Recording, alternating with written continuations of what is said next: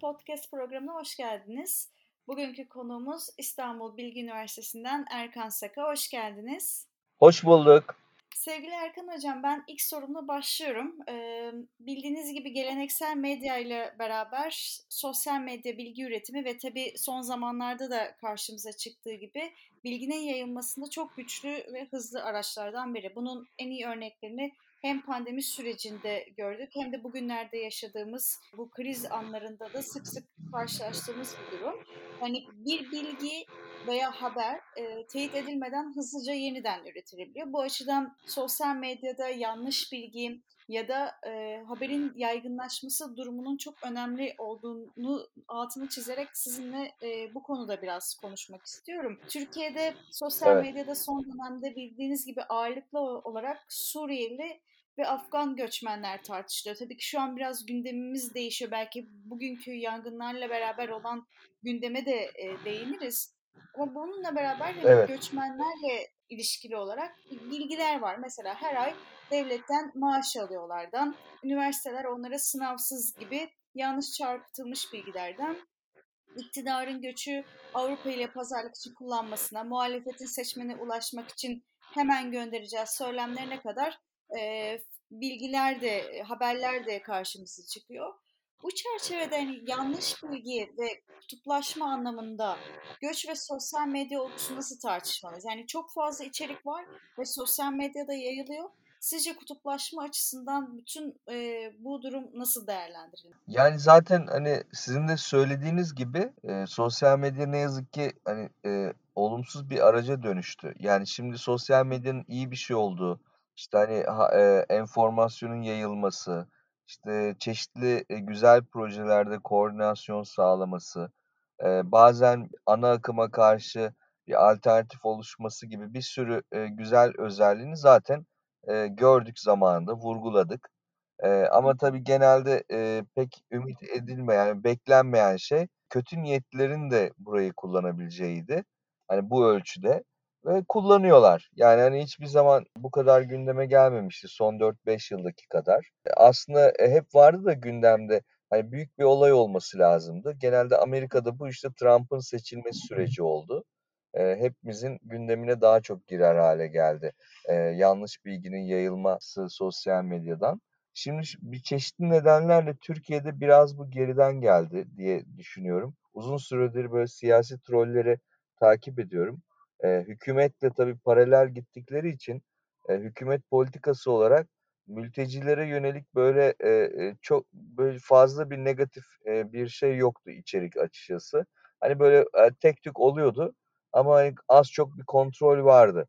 Şimdi son 6 ayda bir yılda diyelim yani olay kontrolden çıkmış gibi. E, hani takip ettiğim siyasi troller de hani e, daha çok bundan bahsediyor ama Onların ötesinde artık e, bu bir siyasi araç olarak da gündeme geldiği için e, muhalefet tarafında hiç beklenmedik yerlerde gayet sosyal medya platformlarında mülteciler aleyhine şeyler görebiliyoruz, içerikler.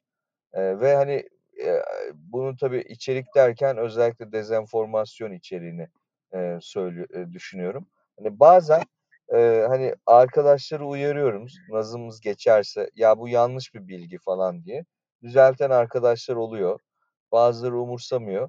Ama tabii bu e, böyle e, kutuplaştırıcı bir hava yaratıyor kesin. Hani bu hem mültecilere karşı ama hem de dönüp e, siyasi perspektiflerde de hani siyasi e, olarak da hani yerel halkın da birbirine daha bir düşmesine, kutuplaşmasına neden olacak gibi gözüküyor. Yani genelde çok negatif konuşmayı sevmem ama şu anda gidişat öyle gibi gözüküyor. Yani aslında e, sizin söylediğiniz gibi biraz da insanlar kendi görüşleriyle uyumlu olan şeylere belki o bilgi gerçek olmasa da biraz daha inanma eğiliminde galiba. O yüzden de gittikçe hani gerginleşmenin artmasıyla ya da o kriz dönemlerinin e, yoğunlaşmasıyla beraber sanırım o yanlış bilgiye evet. e, sarılma biraz daha e, artıyor gibi. Yani şey araştırma gösteriyor ki evet ideolojik e, perspektiflerimize göre genelde e, haberleri de alıyoruz, alımlıyoruz. Yani böyle şöyle ben her halükarda tabii ki fact checking ve benzeri çalışmalar devam etmeli. Bunların da etkileri oluyor. Eee, ama kurtarıcı olamıyorlar bazen. Daha büyük bir, eee, çerçeve de gerekiyor. Eee, çünkü, hani, eee, işte, siyasi koşullanmalar gerçekten insanların habere bakışını da etkiliyor. Dediğiniz gibi, eee, kendine yakın fikri tercih ediyor. Yani siz ne kadar doğrulama yapsanız bile. Onun için, hani, mücadele bu alanda çeşitli katmanlarda olmalı. Hani, daha büyük siyasi, çerçeveden, işte, e en küçük fact checking'e kadar giden bir, böyle katmanlı bir iletişim stratejisi lazım. Bu Evet. arada tabii şey, sosyal medya de de dediğimiz zaman şey ağırlıklı olarak biraz daha özellikle Twitter, işte Facebook, Instagram insanların aklına geliyor. Yani benim de açıkçası 3 tane kullandığım en temel platformlar bunlar. Evet. Ama baktığımızda TikTok'ta kullanıcı sayısı anlamında önemli bir e, mecra. Bazı siyasi figürlerin de son zamanlarda bu mecrayı işte şarkı söyledikleri videolarla da e, kullandıklarını görüyoruz. Özellikle son dönemde Türkiye'nin emekçileri çalıştıkları koşulların zorluğuna dikkat çekmek için video da yayınlanmaya başladı. Yani yeni bir e, siyasi belki forum yani bir aktivizm olarak değerlendirebilir miyiz ve tabii toplumsal olarak nasıl bir yansıma imkanı ya da sınırları ile karşı karşıya oluruz? Evet, yani şimdi tabii bir mecra kullanılmaya başlıyorsa hani biz beğenmesek bile hani çeşitli nedenlerle artık orayı dikkate almamız gerekiyor. Yani benim zaten hiç böyle, eee, çok fazla, eee, antipatik bir söylemim olmadı TikTok'a karşı. O yüzden, hani, şeyim, rahatım. Yani de tam dediğin gibi, eee, Tuğçe, eee, yani TikTok, yani, böyle bir şekilde yükselen bir mecra. Eee, ben birkaç bakımdan da önemsiyorum. Hem algoritması, iç eee, bize sunduğu içerik, eee, Instagram'dan da başarılı bence.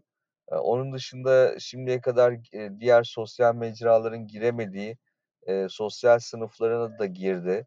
Hani, bize çok, değişik, ortamlardan içerik geliyor ve, yani her mecrada olduğu gibi de aslında biraz, eee, mecranın nasıl kullanılacağını toplumsal koşullar da belirliyor. Yani şimdi biz bugün Twitter ve Facebook'u özellikle Twitter'ı, işte, haber odaklı ve daha böyle, hani, siyasi bir yer olarak görüyoruz ama yani Twitter'da ilk çıktığında amacı bu değildi. Kullanıcılar onu biraz bu hâle getirdi. Eee, o yüzden, hani, TikTok'ta da o bu potansiyel var. Hızlı, eee, video yapabilme, işte, efektli ya da efektsiz ve bunu yayma bakımından iyi bir potansiyel var. Tabii hiçbir mecraya böyle, eee, eee, şey atfetmemek gerekiyor, böyle kesin kurtarıcı gibi. E, TikTok'ta nihai olarak, eee, asıl, hani, içerik, eee, viral olan içerik nadiren, eee, böyle daha, eee, nasıl diyeyim, bilgi verici, yardımcı, böyle, işte, toplumu, eee, olumlu yönde mobilize edecek içerik olabiliyor çoğu zaman. Yani aslında çok hesap var ama onlar bakıyorsunuz en virali olanlar onlar değil. Eee, ama, eee, eee, daha çok kişiye ulaşma açısından iyi bir mecra ve bu tabii aynı zamanda her iyi mecranın tahmin edeceğiniz üzere kötü tarafı da olabiliyor. Yani, eee, TikTok'ta çok hızlı, eee, yanlış bilgi, komplo teorileri, eee, de yayılabilir ki, eee, benim de önüme düşmeye başladı. Böyle daha, işte, en son bu yangınlarla ilgili komplo şeyleri düşmeye başladı. Şimdi burada tabii bir hiç bahsetmediğimiz, eee, arada, eee, önemli bir kurum var. O da, işte, sosyal network'ler, platformlar. Eee, bu platformlar çok yakın zamana kadar nötr kalmayı tercih ettiler. Eee, işlerine de geldi. Yani biz aslında yalnızca, hani, ho eee, i imkân veriyoruz, sunuyoruz. Hani, artık içerikle başkası ilgilensin gibi. Ama, eee, o kadar belirleyici bir güç hâline geldi ki platformlar, eee, mecburen, hani, artık onların da, eee, kamuoyu baskısıyla biraz da müdahale etmeleri gerekiyor. Şimdi bazı ufak tefek, hani, güzel şeyler de oldu. Hani, bence daha çok da olacak. Mesela, hani, şimdi şu yangın olayında daha çok önüme düştü. Eee, COVID'de mesela daha az düştü. COVID olayında, pandemide kola bütün, hani, küresel anlamda platformlar ellerinden geleni yaptılar. Hani, yeterli değil de, eee, şimdiye kadar hiç böyle bir, eee, hareketlilik görmemiştim platformlar açısından. Yani daha doğru bilgiyi ulaştırmak için otoriter o asıl otoritelere, işte, eee, ulaştırabilmek için en azından, işte, uyarı koyuyorlar, başka bir şey yapıyorlardı. Ya, tabii yine mesela aşı karşıtlığını engelleyemedi bazı platformlar. Özellikle Facebook yine, eee, önemli mecra bu bakımdan. Eee, ama, hani, ufak tefek böyle çabalar da görüyoruz. Mesela WhatsApp asıl şu anda hani kriz noktaları bu bildiğimiz büyük sosyal ağlardan çok daha önce sosyal ağ gibi düşünmediğimiz WhatsApp gibi yerler. Hani bunlar e, şifreli de olduğu için e, içeriği müdahale ya da tam kamusal olmadığı için içeriye müdahale de zor oluyor. Onun için biraz dışarıdan nasıl müdahale edilir onlara bakılmaya başlandı. İşte şu ana kadar gördüğüm en hani e, somut şeylerden birisi WhatsApp şeyi sınırladı. iletim miktarını. Onu duymuşsunuzdur zaten. Yani bir kere de ne bileyim on binlerce kişiye değil de 100 kişiye e, iletebiliyorsunuz mesajı. İşte Twitter e, okumadan bir şey paylaşıyorsanız bir tıklamadan tabii e, soruyor. Ya önce bir makale okusaydın da öyle yollasaydın gibi. E, bunlar aslında güzel çabalar. Yeterli değil tabii. Çok büyük miktarda içerik e, sirküle ediyor. E, ve platformların da iş modelleri biraz e, etkileşime dayandığı için veri akışına yani böyle çok da etkileşim alan şeyleri de hani böyle müdahale etmek istemiyorlar. Onun için ağırdan alıyorlar. Bence bir taraftan da iş modellerinde platformların e, bir değişiklik olacak gibi geliyor bana. Yoksa var olan modelle yani ne kadar isteseler de e, e, dezenformatif içeriğe tamamen e, engel olmayacaklar gibi geliyor. Ha bu arada o da ilginç tabii. Hani dezenformatif işte içerik, komplo teorileri her zaman daha çok tutuyor. Yani etkileşim fazla. E, yani hani bu da işte artık bunu insan doğasına bağlarız? E, başka şey bilemiyorum. Yani ben şey tabii bağlanabilir daha nesne olarak. Yani e, son 10, 20, 30 yılda otoriteler o kadar zayıfladı ki uzmanlık alanları. Yani yalnızca Türkiye'de değil, dünyada da e, hani böyle eskiden kesin gibi gözüken, otorite gözüken hani tıp kurumlarından hukuka, e, akla gelebilecek her alanda e, internet biraz zayıflattı bu alanları. E, e, kurumlar kendileri de zayıflattılar.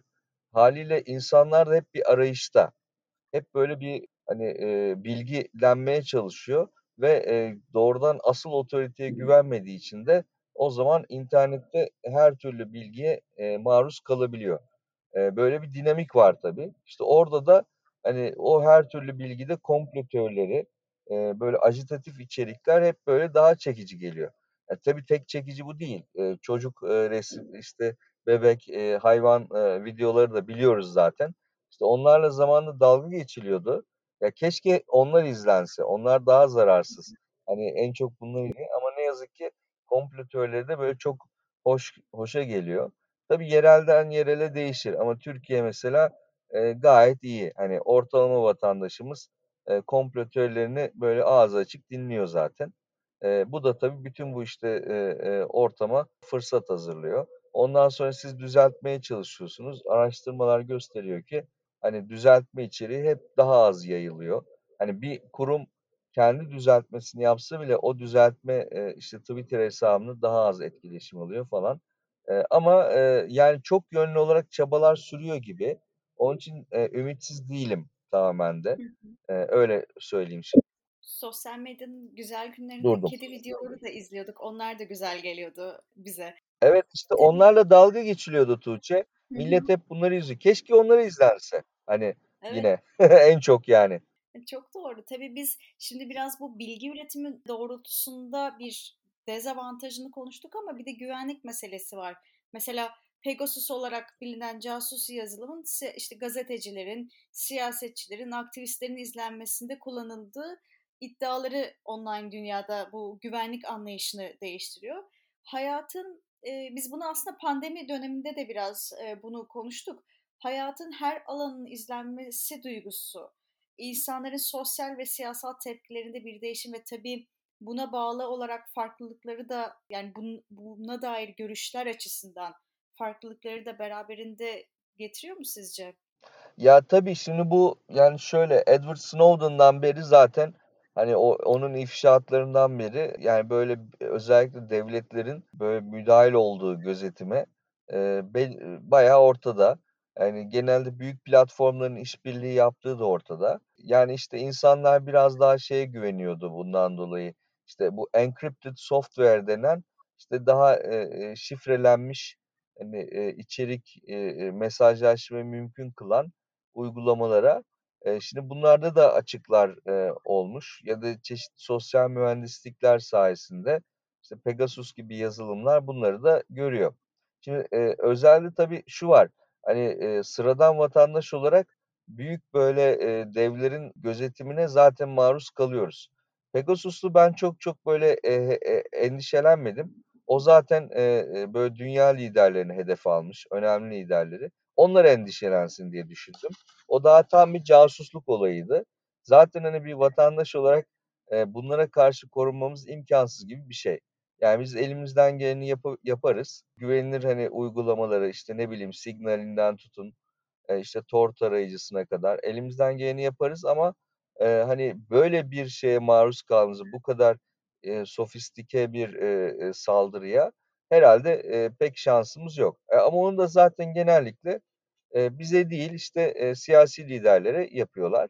Onlar düşünsün diyeyim. Hani çünkü onlar genelde hep bizi gözetliyordu. Şimdi de birileri de onları gözetliyor. Tabii e, hani bu e, espiritüel bakış yanında e, acı verici bir şey bu tabii. Yani e, genel olarak ne kadar aslında e, e, şey olduğumuzu, saldırılara açık olduğumuzu gösteriyor. E, güvenlik bence e, şu var tabii karamsar olup ya zaten e, nihai olarak kendimi koruyamayacağım demenin bir anlamı yok. Önemli olan bu dijital güvenliği kendi çapımızda böyle bir e, habitusa çevirebilmek, bir alışkanlığa çevirmek. Yani her zaman daha güvenli olanı tercih etmek. Bu en azından gözetim yapmak isteyenin işini zorlaştırıyor. Bir de genelde daha sıradan e, hani durumlarda zaten e, e, bu bu kadar korunma yetiyor bize. E, ileri dediğim gibi e, çok ileri yani size devlet sizi çok ciddiye almışsa yapacağınız pek bir şey yok gibi geliyor bana şu aşamada. O zaten dinleyecek sizi. Ama onun dışında bence bu bir e, çoğu durumda yine de e, bir güvenliğimizi sağlamış oluyoruz. Bunda da tabii dünya çapında e, kurumlarda herkes e, güvenliği daha iyi yapmak için çalışıyor. Ama işte bu tabii iki e, böyle e, bir taraftan mesela evet güvenlik daha iyi olsun deniyor ama yani devletlerin tam işine gelmiyor. İşte hep bir backdoor istiyorlar. İşte FBI de istiyor, başkaları da istiyor. Yani biz suçluları yakalayacağız diye. Ama backdoor açıldığı anda yani suçlular da aslında sizin içeriğinize erişebilir hale geliyor. Ama bu hala devam eden bir tartışma. Yani tam bir şifreleme olsun mu olmasın mı diye. E, yani otoriteler açısından e, özellikle kriminal e, durumları e, kontrol edemeyecekleri için bir endişe var.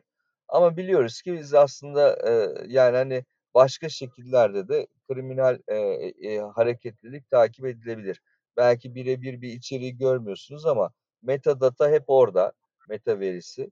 Yani hani artık hani onu da kendileri çözsünler diyeceğim ama hani e, yeterince malzeme var. Yani suçları yakalamak isterlerse ama bunu çok daha kolayına getirip işte ya bir backdoor açın. Biz işte Signal'de de işte Facebook'ta da orada da burada da iletişimi doğrudan hani istihbarat merkezimizde takip edelim des dedikleri zaman eyvallah ama işte tek onlar takip edemiyor. O açık başladığı anda e, birileri hep o açığı yakalayacak. Hani hackerlar ya da başka işte e, onların onları kullanan e, güçler diyelim. Öyle bir durum var. Yani bu tartışma devam edecek önümüzdeki yıllarda da. Yani kolay bitecek bir tartışma değil. E, ama hani bence bir e, davranış kalıbı olarak olabildiğince hani güvenliğimizi sağlayabiliriz. Yani mesela işte şimdi çifte doğrulama, bu telefonla bağlama şeyi yapalım bunu yani. Hani bu kötü bir şey değil. Ee, en azı ufak da olsa e, korunmamızı arttırıyor diye düşünüyorum. Bizim tabii siz bir ara ben tam karamsar olmak istemiyorum diye bir not düştünüz. O yüzden son sorumu da böyle e, sormak istiyorum. Sosyal medyanın işte Tamam. konuştuğumuz gibi e, yeniden ürettiği ayrımlar ve tabii kutuplaşmaya sebep olan mesafeleri var. Bütün bunlar için ne ne gibi çözümler önerebilirsiniz? Yani kutuplaşmanın azaltılabilmesi için sizin önerilerinizi de dinlemek isteriz. Yani vallahi hani benim genelde yani böyle ne kadar başarılı olabilir bilemiyorum bu konuda. Geçmişteki e, siyasi bir sürü e, çıkarımım hep e, yanlış çıktı. E, o yüzden e, elimden geleni bir yapayım. Yani şöyle e, Tuğçe'cim, valla bir defa bir sakinlik e, sakinliğimizi koruyabilmek lazım. Yani bu e, kutuplaşmanın bir yansıması hani giderek daha agresifleşiyoruz. Haklı olarak herkesin öfkeli olmak için nedeni var. Ama e, yani tarih boyunca gösterdi ki öfkeli e, bir tartışmaya girmek genelde bir çözüme getirmiyor, bir sonuç getirmiyor. O yüzden eğer kamusal alanda hani bir şeyi düzeltmeye çalışıyorsak, bir argüman savunuyorsak bir biraz böyle sakin olabilmemiz lazım bence. Bir de şöyle karşındakini ikna edemesen bile üçüncü kişileri edebiliyorsun. Hep aklıma böyle çekirdek çitleme sahnesi geliyor. Hani bir polemik başlıyor. Biz de izliyoruz mesela Twitter'da kapışmayı. İşte o bizlere aslında hitap etmek lazım. Yani orada karşındakinden çok acaba ne kadar ben doğru enformasyonu daha büyük bir kitleye ulaştırabilirim diye düşünerek hareket etmek iyi olabilir. Onun dışında bence hani doğrulama çabalarına hani kurumsal ya da kurumsal olmayan destek vermek lazım. Türkiye'de çok güzel örnekler var işte teyit var, doğruluk payı var. Dünya çapında da var. Hani bunlar e, görüyoruz ki belki çok çok erişimleri yok ama çok iyi bir yere geldiler. Bizim de bunlara destek olmamız bireysel, kurumsal olarak iyi olur. Bazen çok böyle saldırıya maruz kalıyorlar. Böyle e, doğruladıkları için ve hani onların bu doğrulanmış içeriğini olabildiğince yayılmasına katkıda bulunmamız gerek. Onun dışında da hani bence hani böyle kavga etmeden hani hani böyle akrabalarımıza, arkadaşlarımıza hani böyle onlarla temasta korumak lazım. Bazen ne bileyim böyle e, tabii ki oluyor insani bir şey. Yani takibi bırakıyoruz, başka bir şeyler yapıyoruz. Yani aslında bıraktığımız zaman iyice bir izole olmuş oluyoruz. Bir echo chamber başlıyor. E, yani e, aslında karşı taraf e, ne diyor onu bir göz ucuyla en azından hep takip etmek lazım. Yani illa ya evet çok yanlış da olabilir ama bazen e, nasıl bir narratif, nasıl bir anlatıyla bunu yapıyorlar onu görmek de önemli. Çünkü ona e, e, göre bir tavır da e, hani o anlatıya karşı bir tavır da ya da karşı anlatı da geliştirmek mümkün olabilir. Bunlar kolay süreçler değil ama hani böyle e, sakin bir şekilde takip ettiğimiz zaman e, hani sanki e, biraz etkisi azalacak. Yani bazı şeyler vatandaşların ötesinde artık. Yani hani daha büyük makro gelişmeler de tabii olmalı ki kutuplaşma hafiflesin. Ama en azından bireysel alanımızda yani yaşam alanlarımızda sanki böyle bir sakinlik yaratılabilir. Yani bu şeyin tekrar düşünülmesi lazım. Koalisyon, işbirliği, kolaborasyon bunlar kötü şeyler değiller. Ee, hep böyle hani tek tip bir yöneticinin daha iyi yapabileceği, daha hızlı aksiyon alabileceği iddia ediliyordu ama gördük ki yani çoğu zaman hızlılık önemli değil. Önemli olan hani sağlıklı hani ortak karar alabilmek ya da işte az çok tartışılmış. Bu son olarak da şey diyeyim tabii hızlılık e, sosyal medyanın en önemli unsurlarından. Yani insanlık tarihinde e, insanlar hiç bu kadar rahat hani hızlıca medya üretim üretemedi. E, şimdi tabii üretebiliyorlar. Bunun da sonucu üretilen içerik bazen iyi çıkmayabiliyor. Kötü e, kötü sonuçlara varabiliyor. Yani bence artık bir davranış kalıbı hani geliştirdiğimiz o kalıbın bir parçası da yani böyle bir nefes alıp biraz bekleyip hani e, öyle tweet atmak ya da sosyal medya içeriği oluşturmak. Hani bir üstüne yatıp düşünmek bazen. Ee, yani böyle şeyler hani ilk başta insanı mutlu etse bile hani attığınız tweet çok RT alınca bir kendiniz bir şey sanıyorsunuz haklı olarak ama yani o geçici bir şey. Böyle e, gerçekten şeye bakıyorum bazen çok düzgün insanlar yani böyle biraz böyle çok takipçi kazanınca e, opinion leader olma e, yani e, opinion leader gibi bir po- pozisyon kazanıyorlar ve her konuda yazmaya, konuşmaya başlıyorlar. Yani e, o da tabii onları bir tuzağa çekiyor. Yani çok iyi olsa bile bazı konularda her konuda iyi konuşamaz. Yani gerçekten aslında böyle anonim sıradan insanlardan çok böyle büyük takipçili etkili hesapların e, böyle her şeye laf yetiştirmeye çalışmalarından kaynaklanan sorunlar da yaşıyoruz. E, arada bayağı yanlış bilgiler, e, öneriler e, çıkabiliyor. E, onların da hani kendilerine bir bakması lazım. Yani biz zaten sizi seviyoruz, takip ediyoruz. Her şeyde konuşma diyerek bitireyim ben böyle. Aslında e, o sosyal medyanın imkanlarından biri olan e, bilginin üretiminden faydalanıp bir yandan da o kedi e, videolarını izlediğimiz ve gülümsediğimiz e, güzel olsun, günler e, olsun demek gerekiyor belki de. Gerçekten çok keyifli Tabii. ve bilgilendirici bir sohbet oldu hocam. Yani bugünkü programımıza Katıldığınız için çok teşekkür ederiz. Ben teşekkür ederim davet için. Umarım faydalı olmuştur. Oldu tabii. Bugünkü programımızı sona erdiriyoruz. Herkese e, sağlıklı ve daha iyi günler dileriz.